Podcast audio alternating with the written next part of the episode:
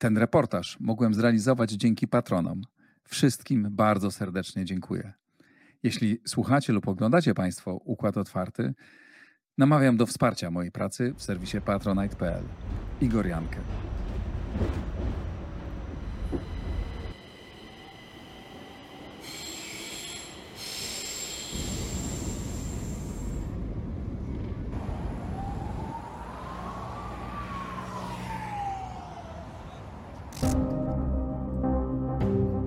Mamy wojnę, tak, musimy tę wojnę wygrać, żeby przeżyć po prostu. Ми їм нічого не дамо, ні отакого кусочечка землі нашої. І все тому, що ми праві.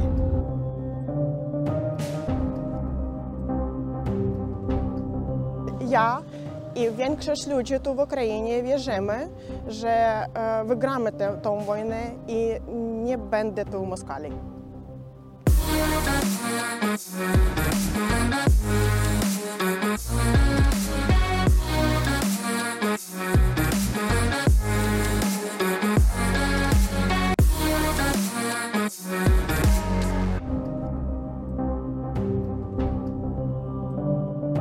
dobry Państwu.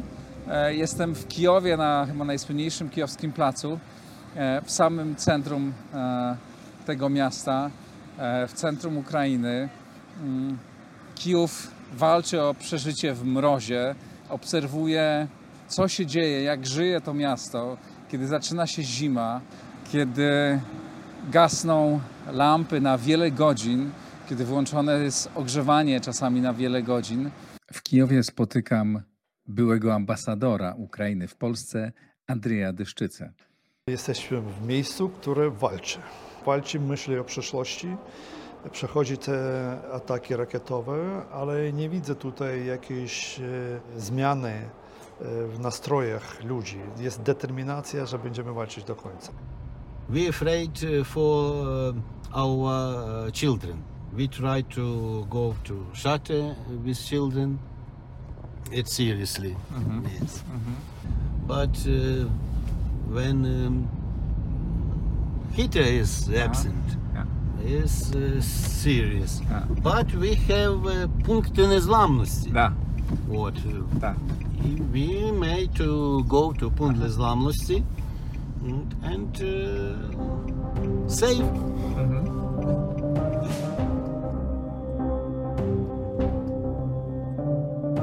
Na pierwszy rzut oka Kijów żyje jak normalne miasto. Otwarte są sklepy, barki z kawą, restauracje, ulice pełne samochodów. Miasto tętni życiem, choć to tętno jest trochę niższe niż zwykle, bo część mieszkańców wyjechała. Jak nie ma alarmu, to żyjemy e, tak samo. Każdy pracuje, uczy się, studiuje, robi swoją sprawę. E, To po pierwsze, nawet jak nie ma prądu, e, bo do 23, do ostatniego ataku, normalnie mia- mieli dość, regularne takie za grafikiem, tam takie te, te, i mogliśmy przystosować, bo każdy wiedział, kiedy ten prąd będzie, wszystko e, podłączał, e, żeby wszystko pracowało wtedy po tym, jak wyłączają e, i potem robił swoje sprawy, tak? Na drugi rzut oka jest już gorzej. Wieczorem często jest ciemno. Wychodząc z domu trzeba wziąć latarkę, mieć dobrze naładowany powerbank. W wielu domach nie ma prądu przez kilka godzin dziennie, a bezpośrednio po rosyjskich atakach nie było i dłużej. W sklepach, kawiarniach i biurach często nie ma prądu i ogrzewania. Zaczynają się mrozy i jest coraz trudniej. Najgorzej mają ci, którzy mieszkają w 30-piętrowych blokach, których jest wiele na przedmieściach Kijowa. Co robić, kiedy przestaje dochodzić prąd? Ilona Kuszyńska jest prawniczką żyjącą w Kijowie. To jest duży problem, e, zwłaszcza po prostu pójść na ten 25 piętro. Mam koleżankę akurat na 20 e, mieszka. Iryna Adamska jest wykładowcą na uniwersytecie. Ona, e, jak jest wyłączany prąd, e, to po prostu pracuje z lampą. No, generalnie nigdzie nie chodzi, bo to nie jest łatwo wejść na 20 piętro bez windy. Tak, a windy też nie pracują. W biurze Aleksandra jest bardzo zimno, ale pomimo tego jest on pełen energii. Największym problemem z włączeniem prądu nie jest sam internet, ale powrót do domu. W wielu dzielnicach Kijowa, zwłaszcza po lewej stronie Dniepru, stoją wielopiętrowe budynki, na przykład 30-piętrowe czy 25-piętrowe. Kiedy światło gaśnie, stają też windy. Musisz wtedy wejść do domu po schodach za każdym razem, kiedy wchodzi, wracasz z zakupów, wychodzisz na zakupy czy idziesz do pracy. Wszystkim zaleca się, by używali za każdym razem schodów, nawet wtedy, kiedy jest prąd, ponieważ z powodu rosyjskich rakiet i wyłączenia energii windy mogą przestać działać w każdej chwili. Na przykład mój kolega wychodził wczoraj do pracy i utknął w windzie. Problem w tym, że on utknął na 6 godzin. Ale dobrze wykorzystał ten czas. Zmienił swoje plany, nadrobił zaległości, połączył się nawet z internetem i popracował. Czasem udaje się, ale generalnie to jest wielki problem. Jedyna dobra rzecz, jaka wynika z tego, jest taka, że wielu Ukraińców ma dobry trening cardio i w każdej złej sprawie można znaleźć coś dobrego. Maria mieszka w jednym z wieżowców.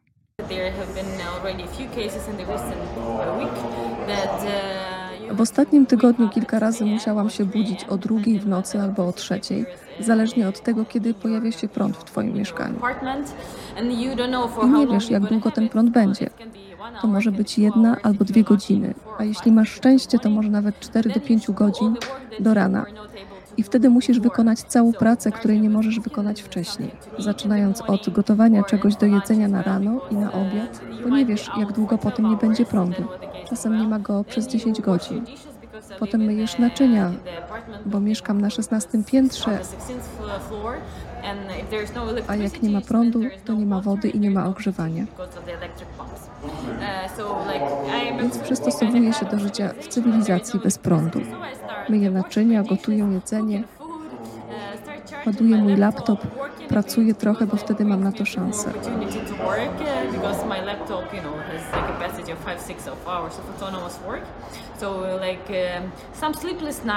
Mam trochę bezsennych nocy.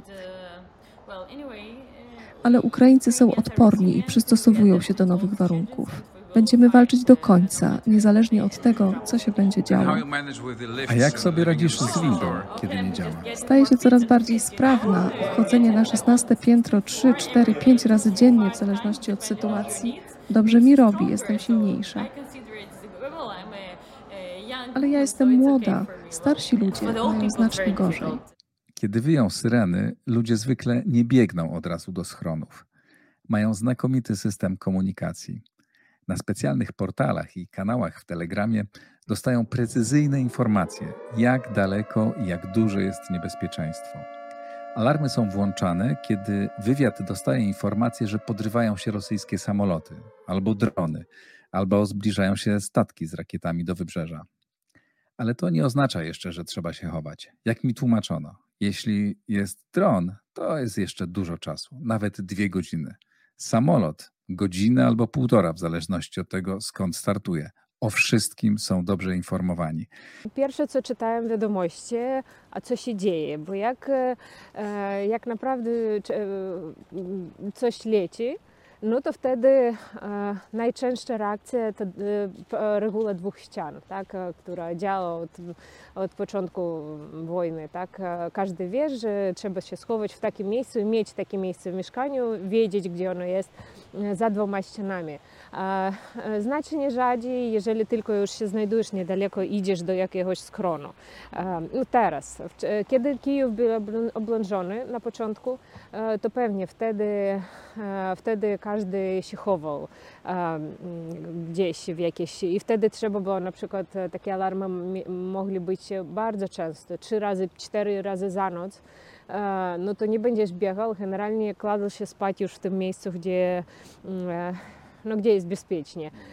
Ale teraz takiego nie ma. Każdy zostaje w swoim mieszkaniu i alarmy, jak się czuje, to idzie po prostu w mniej więcej bezpieczne miejsce w swoim mieszkaniu. Miasto walczy na różne sposoby z brakiem prądu. To, co słychać prawie wszędzie, to terkot generatorów. Ich potrzeba najbardziej. Jeżeli to chodzi o jakieś biznesy, to oni w większości czuć, że mają generatory. No dużo, dużo różnych, tak, kawiareń, tam salonów urody, ja nie wiem, sklepów i tak dalej, banków, co do po prostu tak codziennego życia. Z Nadią Kowal spotykam się w jej biurze na Podylu, historycznej dzielnicy Kijowa. Przed chwilą z, przestały być syreny, więc możemy się spotkać. Nie ma światła, stąd Państwo widzicie słaby obraz. Mm, słyszeć generator, No gdzieś tak. tam kogoś pracuje. Mamy pięć generatorów w tym podwórku. Aha, Każdy biznes stara się teraz o taki generator, żeby móc pracować w ogóle. Teraz problem jest nie na tyle w alarmach, że, dlatego że alarmów stało mniej, ale mamy bardzo duże problemy z prądem, e, z wodą, e, czasem z ciepłem w domu. I to jest dość trudne, bo już prawie zima. Z czasu zeszłego ataku, w zeszłym tygodniu mieliśmy bardzo duży atak rosyjski.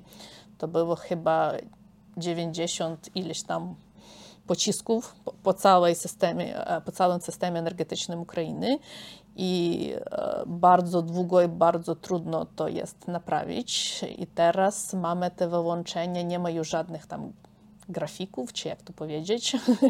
nie ma, no, może, może nie być prądu 4 godziny, może nie być 9 i tak dalej. No teraz e, życie stało trochę trudniejsze.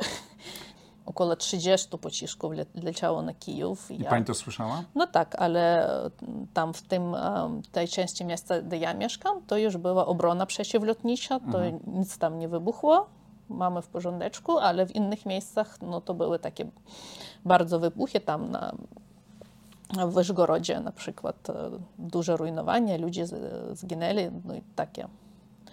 Władze miasta stają na głowie, by utrzymać regularność dostaw prądu.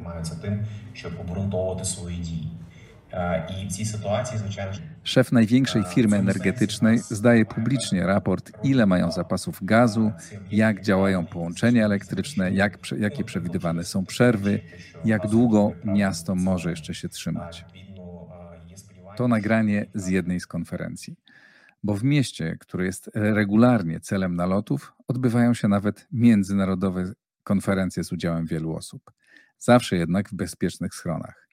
Ten z udziałem Witalia Kliczko i byłego premiera Alekseja Ceniuka, wielu innych międzynarodowych gości, odbył się dwa piętra pod ziemią w specjalnie przygotowanym schronie. Trudno to wytłumaczyć, kiedy musimy wyłączyć prąd, dopływ wody i ogrzewanie.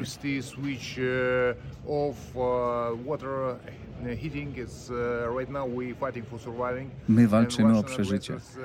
To, co robią rosyjscy agre- agresorzy, to nie jest specjalna operacja. To nie jest wojna, ale to jest ludobójstwo. To jest terroryzm. Putin chce wymrozić wszystkich Ukraińców. Niszczy krytyczną infrastrukturę naszego kraju i naszego miasta. Jeśli spojrzymy na całość, to wniosek jest taki. Putin potrzebuje Ukrainy bez Ukraińców. Oni nas nie potrzebują. W najlepszym wypadku on chce, byśmy wzięli swoje bagaże i wyjechali do Europy. Albo musimy umrzeć.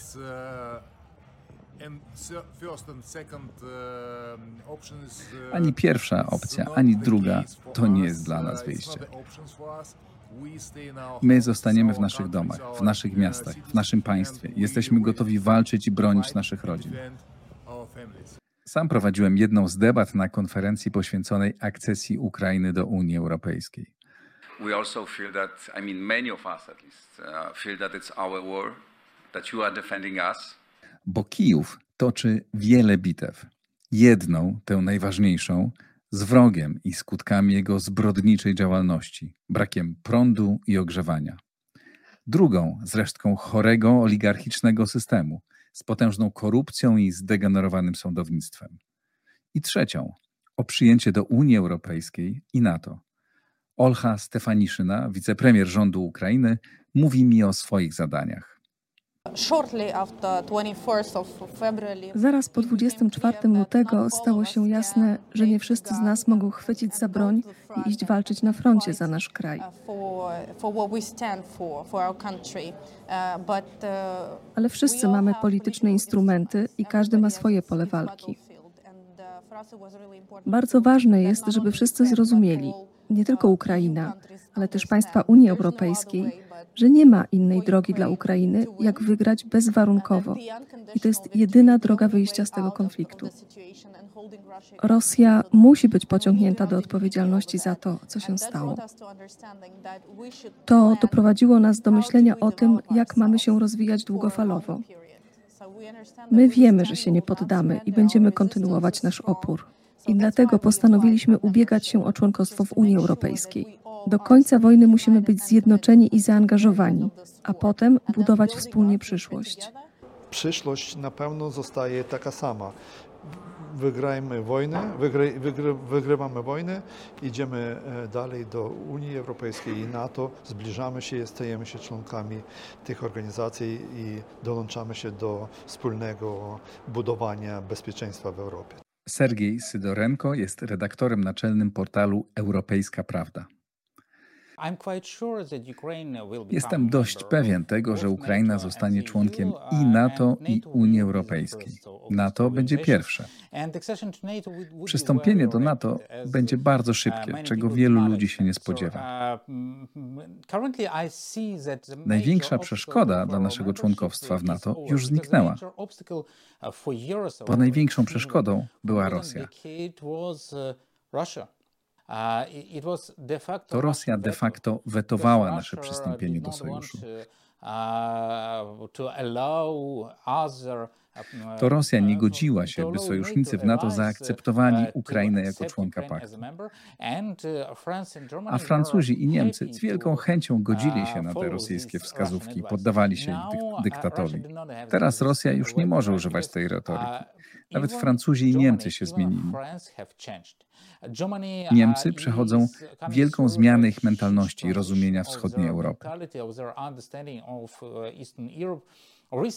Niedawno nawet uznali wielki głód za ludobójstwo ukraińskiego narodu spowodowanego przez Rosjan. Teraz Niemcy zaczynają być gotowi, by ignorować rosyjskie porady i wskazówki. Oczywiście jestem absolutnie przekonany, że Ukraina przystąpi do NATO tylko wtedy, jeśli wojna się zakończy. To znaczy wtedy, kiedy Ukraina wygra. To kwestia politycznej decyzji. Ale to się może zdarzyć nawet rok po tym, jak Ukraina wygra wojnę.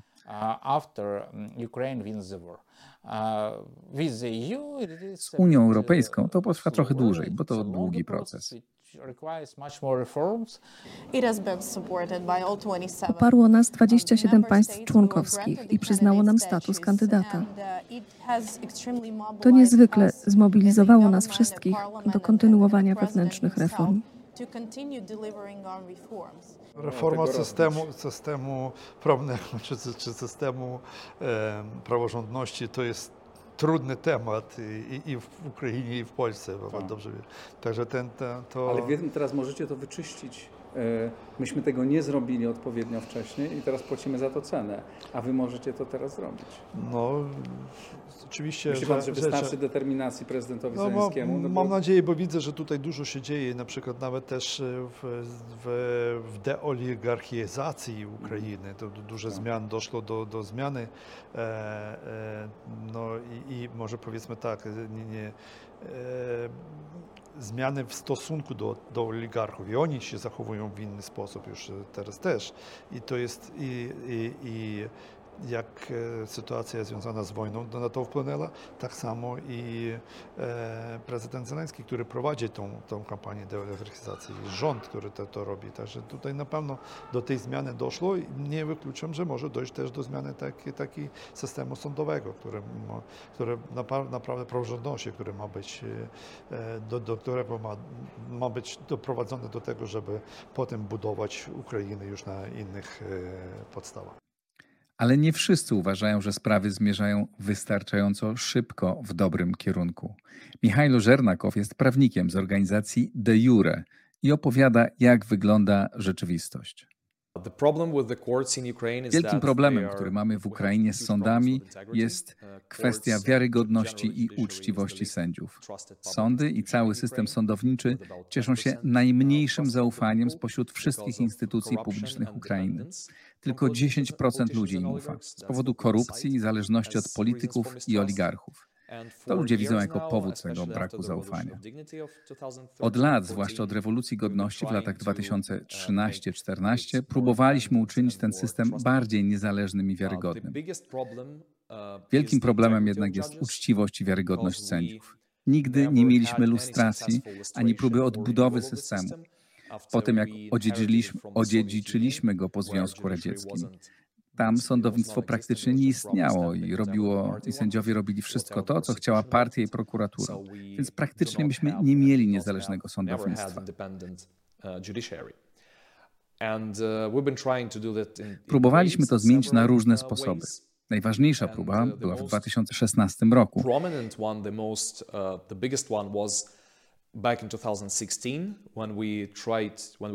Kiedy zmieniliśmy konstytucję i zapisy dotyczące sądownictwa, przyjęliśmy wtedy prawa, które na nowo powoływały pewne instytucje, takie jak Sąd Najwyższy. Próbowaliśmy je budować od zera. Pomysł był taki, aby na zasadach konkurencyjnych zatrudniać tam prawników do najwyższych instytucji sądowych. Ale to niestety się nie udało. Najważniejszym powodem było to, że ci sami starzy sędziowie decydowali o zatrudnieniu nowych sędziów.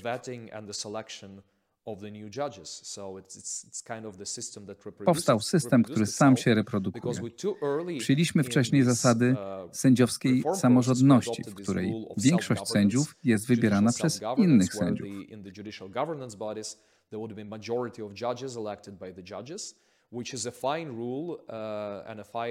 Te rozwiązania i te zasady są bardzo dobre w kraju, w którym cieszą się zaufaniem społecznym i w którym działa sądownictwa, a nie jakaś banda przestępców, a tak często jest na Ukrainie. And uh, of course, you know, it works fine for preserving the status quo. Jeśli chcesz zreformować system w taki sposób, to jest to katastrofa. Niestety, myśmy to zrobili i teraz jest wymagane przez konstytucję, że w najwyższych organach sądowych mamy sędziów wybieranych przez innych sędziów.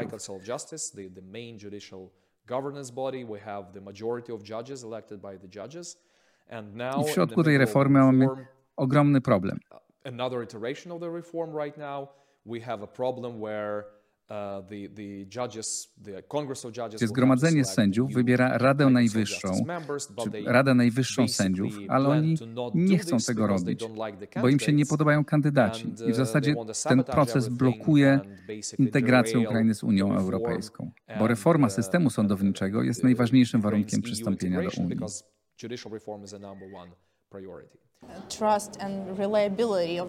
Rozumiemy, że zaufanie i wiarygodność systemu sądowniczego jest kluczowym elementem demokratycznego zarządzania.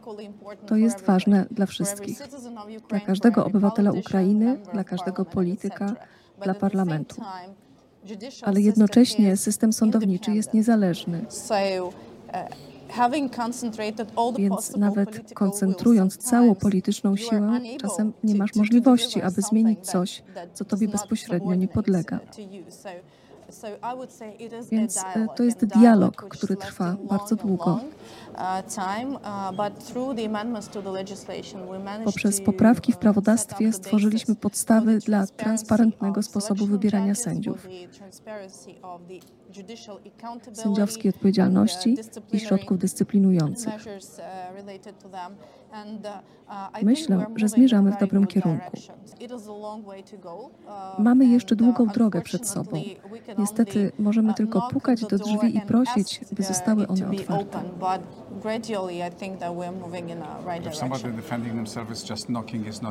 Ale pukanie do drzwi czasem nie wystarczy. Wiele razy słyszałem tutaj, że ci sędziowie pochodzą z dawnego systemu i między nimi jest wielu skorumpowanych ludzi.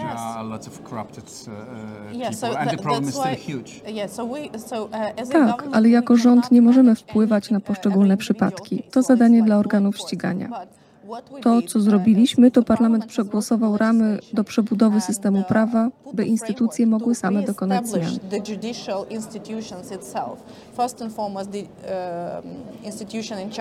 Przede wszystkim dotyczy to kryteriów wyborów sędziów, takich jak uczciwość, weryfikacja majątku i kwalifikacje. Chodzi też o odpowiedzialność zawodową sędziów. Stworzyliśmy zasady, dzięki którym instytucje sędziowskie mogą funkcjonować według najlepszych demokratycznych zasad, opartych przede wszystkim na uczciwości. To jest to, co możemy zrobić jako rząd.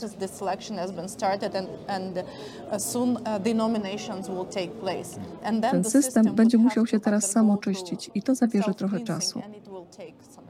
A jak wygląda dziś wybieranie sędziów? Opowiada o tym Michajlo Żernakow. Jedna z sędzin została zapytana, skąd pani ma majątek na 400-metrowy dom, wiele terenów budowlanych wokół Kijowa i pięć apartamentów w samym Kijowie.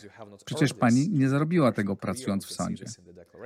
A ona odpowiedziała, jako studentka pojechałam do wschodnich Niemiec i tam pracowałam jako magazynier i zrywałam jagody. I w ten sposób zarobiłam marki niemieckie, które potem przywiozłam na Ukrainie i za nie kupiłam te nieruchomości.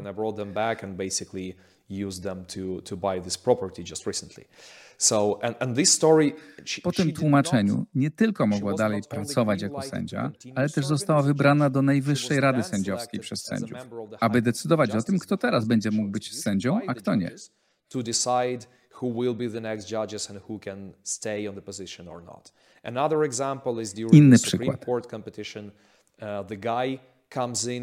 Podczas wyborów do Sądu Najwyższego startował znany sędzia, który ma kolekcję zegarków, z których każdy wart jest od 20 do 50 tysięcy uh, dolarów.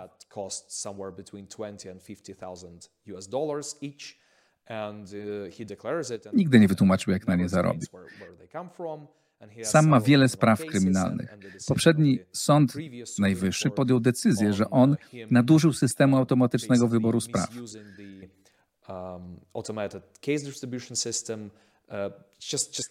I było wiele spraw świadczących o braku jego wiarygodności, która jest niezbędna dla członka Sądu Najwyższego. Ale pomimo tego otrzymał zielone światło i został sędzią Sądu Najwyższego, a potem został zastępcą szefa tego sądu.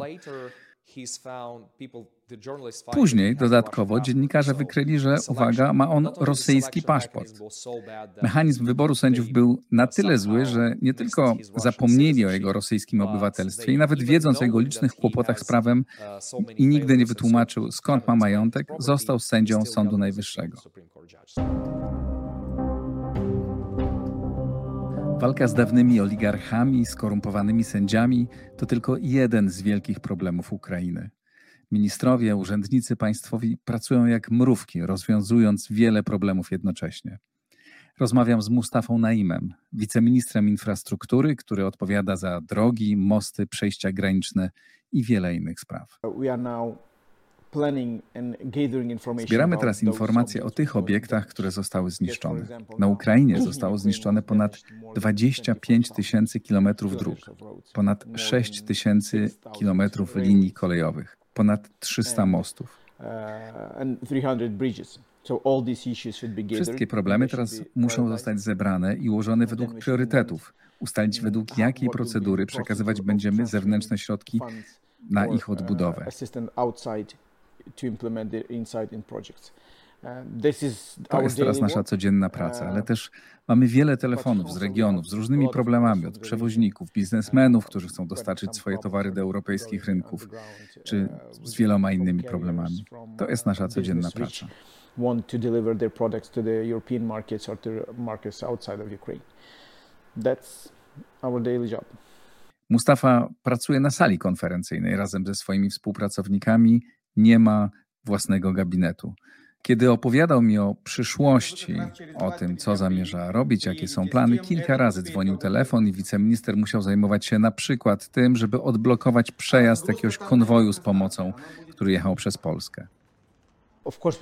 Oczywiście my wygramy. Nie mam co do tego wątpliwości. To nie jest żadna opcja. To jest zaplanowany rezultat i wynik długiej wojny między siłami dobra i zła by civilization, by evil and, and, and, and, white forces and bright forces and, Polacy to bardzo dobrze rozumieją. Mamy najdłuższy okres naszej niezależności w historii.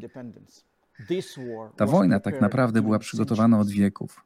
To nie jest wojna przeciw Rosji, to jest wojna o naszą niezależność. To jest sprawa egzystencjalna.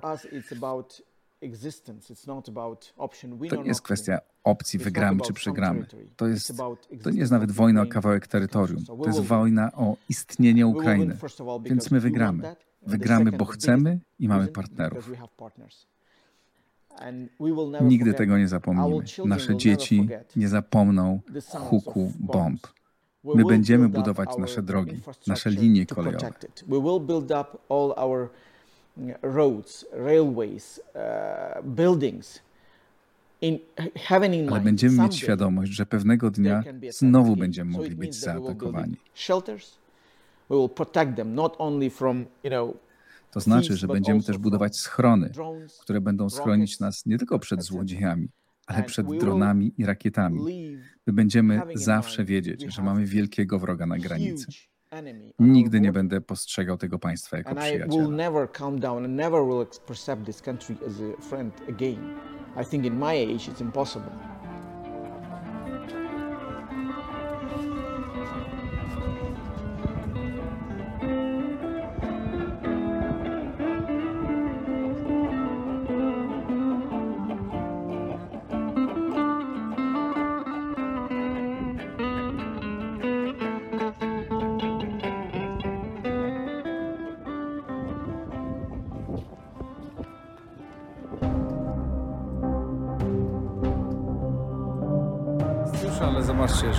przy normalnie, to Kryszczatyk, Aleja Niebiański, Sotnik. Biznesy się kręcą. Nawet jeżeli są problemy z prądem, ludzie walczą. Generatory chodzą, słychać to burczenie w wielu miejscach, ale Kijów się trzyma. Jest bardzo, bardzo dzielny. No jak żyjemy? Normalnie. Jak żyjemy? Normalnie Е, У нас е, тривоги повітряні, дуже Mamy trzy duże dziury przy wejściu do bloku. Przez naloty. нальоти. е, ну, А так е, світла немає. Światła nie ma, ale jakoś sobie Але ми radzimy. справляємося. Ми придумуємо якось. Є газ, маємо газ. Mamy gaz, ogrzewamy się gazem, a ci, którzy nie mają prądu, nie mają też wody. Немає електрики, то немає і води. Mhm. Не дуже добре. Nie jest dobrze, bo mamy malutkie dzieciaczki. От Дуже погано, що дітки маленькі. Aha. Тоді з дітками так не Jedzenia nie mamy za bardzo, ale dobrze, że nie ma Rosjan. Дітям трошки важче. Damy sobie radę. Dzieciom jest lżej, jakoś sobie radzą i my sobie radzimy. Dobrze, że nie ma Rosjan. Myślę, że wytrzymamy. Ми думаємо, що скоро скінчиться. Skoro? Вона Nasi zwyciężą. No i dobrze. Wszystko będzie dobrze. żeby zdechli. Niczego innego nie pragnę, tylko tego. Wrogom na złość, nam na radość. Moja babcia zawsze nam tak mówiła. Wierzę, że miłość zwycięży. Dzięki naszemu cierpieniu wygramy z Rosjanami, tymi Moskalami. Bez tych raszystów wszystko będzie normalne. Sure that e, victory e, will be our. Putler kaput. Putler kaput. Слава Україні! Героям слава!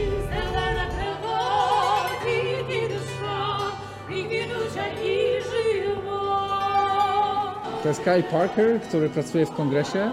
E, Spotkaliśmy się tu przy wyjściu z metra, słuchając tych e, pięknych dziewczyn grających piękną ukraińską muzykę na bandurze. Thank you, Kaya, for, for Thank, meeting. thank you. And to, to all of Poland, cześć.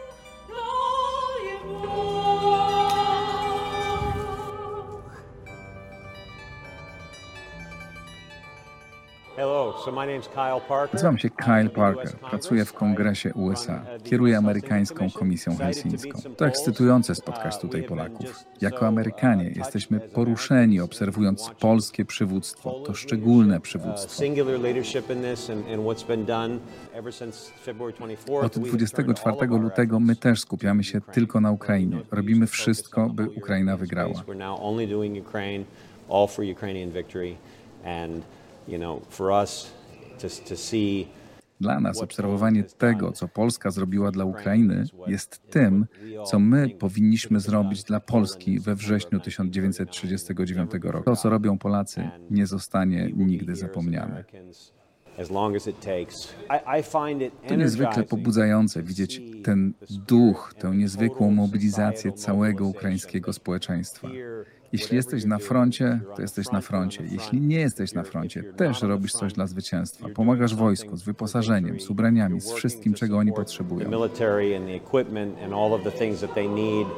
Jewchen Worobiow jest szefem ukraińskiej części St. Javelin, która produkuje gadżety związane z wojną. Cały zysk z ich sprzedaży przeznacza na pomoc dla wojska. Od rozpoczęcia wojny ta grupa kilkunastu osób przekazała już ponad 2 miliony do- dolarów, czyli prawie 10 milionów złotych dla ukraińskiego wojska. Ukraiński system pomocy em, siłom zbrojnym jest bardzo horyzontalny. E, Prawie każdy człowiek ma kogoś, kto jest już w siłach zbrojnych Ukrainy.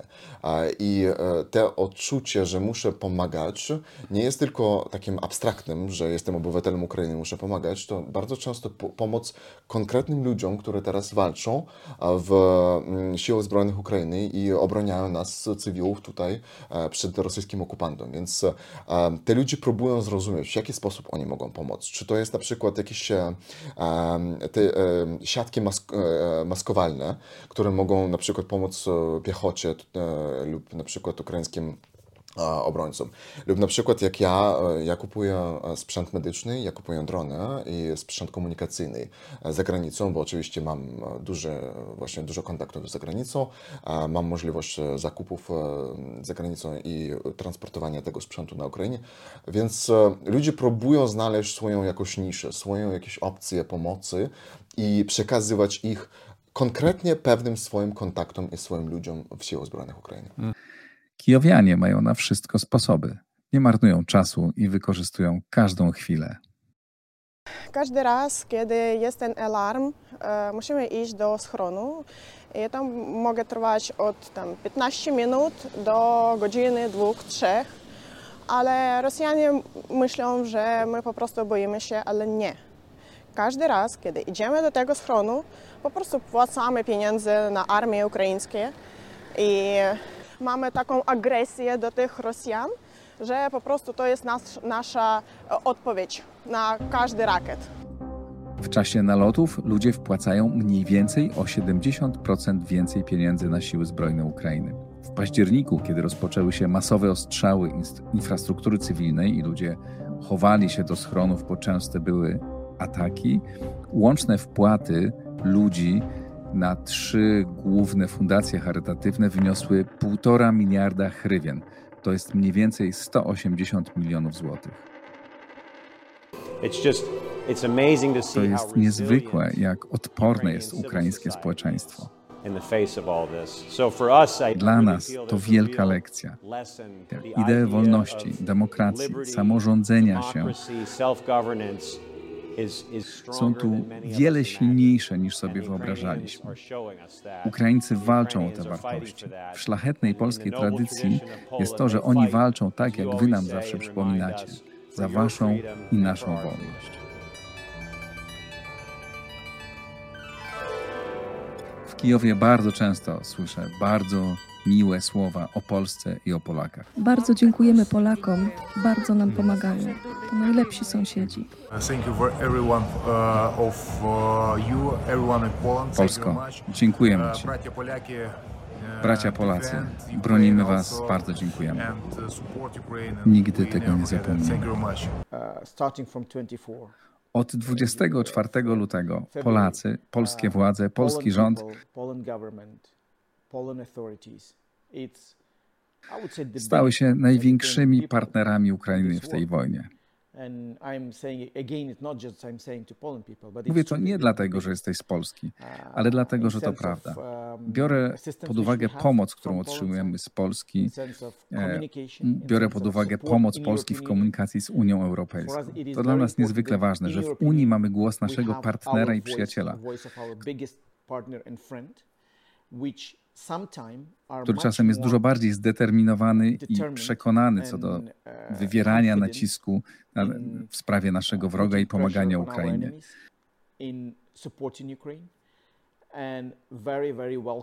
Świetnie komunikujący się w sprawie tego, co, co powinno być zrobione i dlaczego. Polska jest dla nas dzisiaj jak brat czy siostra w Unii Europejskiej.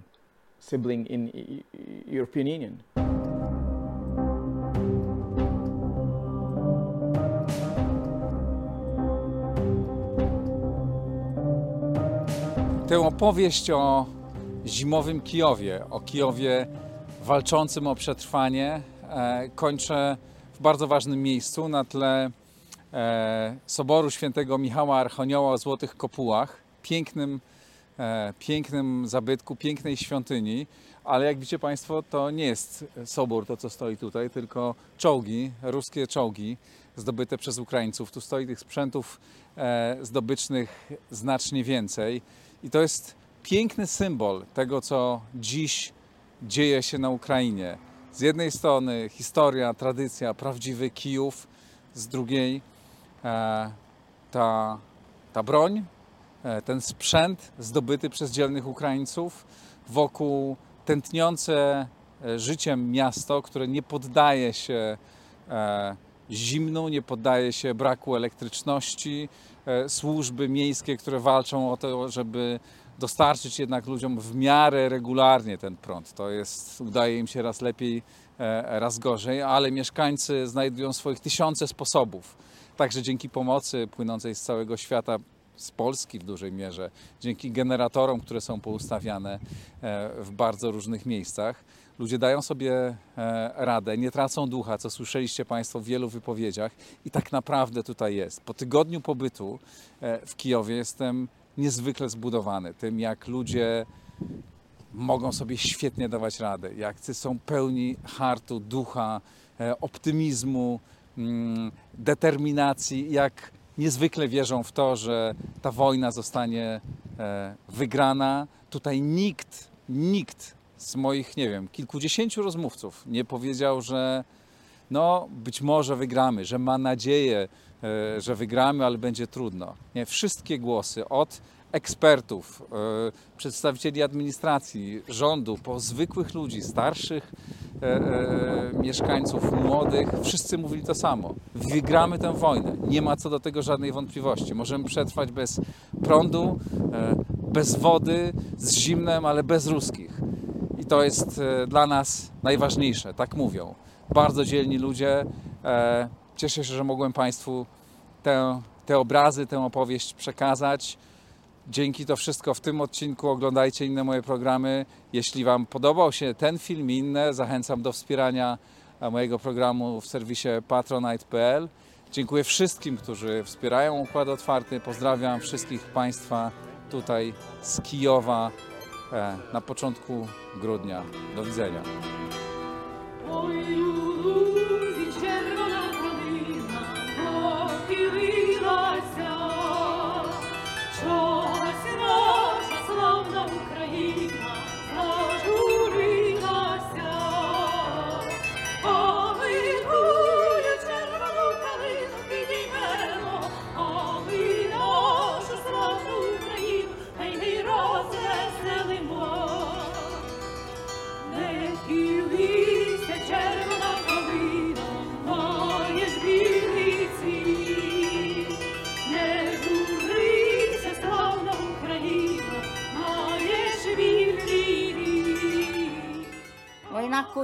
Кончиться. Ми їм нічого не дамо, ні отакого кусочечка землі нашої. Нічого. Ми жили не для того, щоб наші дітки, наші внуки отаке терпіли. Tak.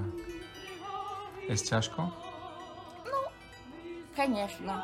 Ну нічого. Побідемо, буде все добре, все наладиться. Ми дружний народ і роботящий все буде.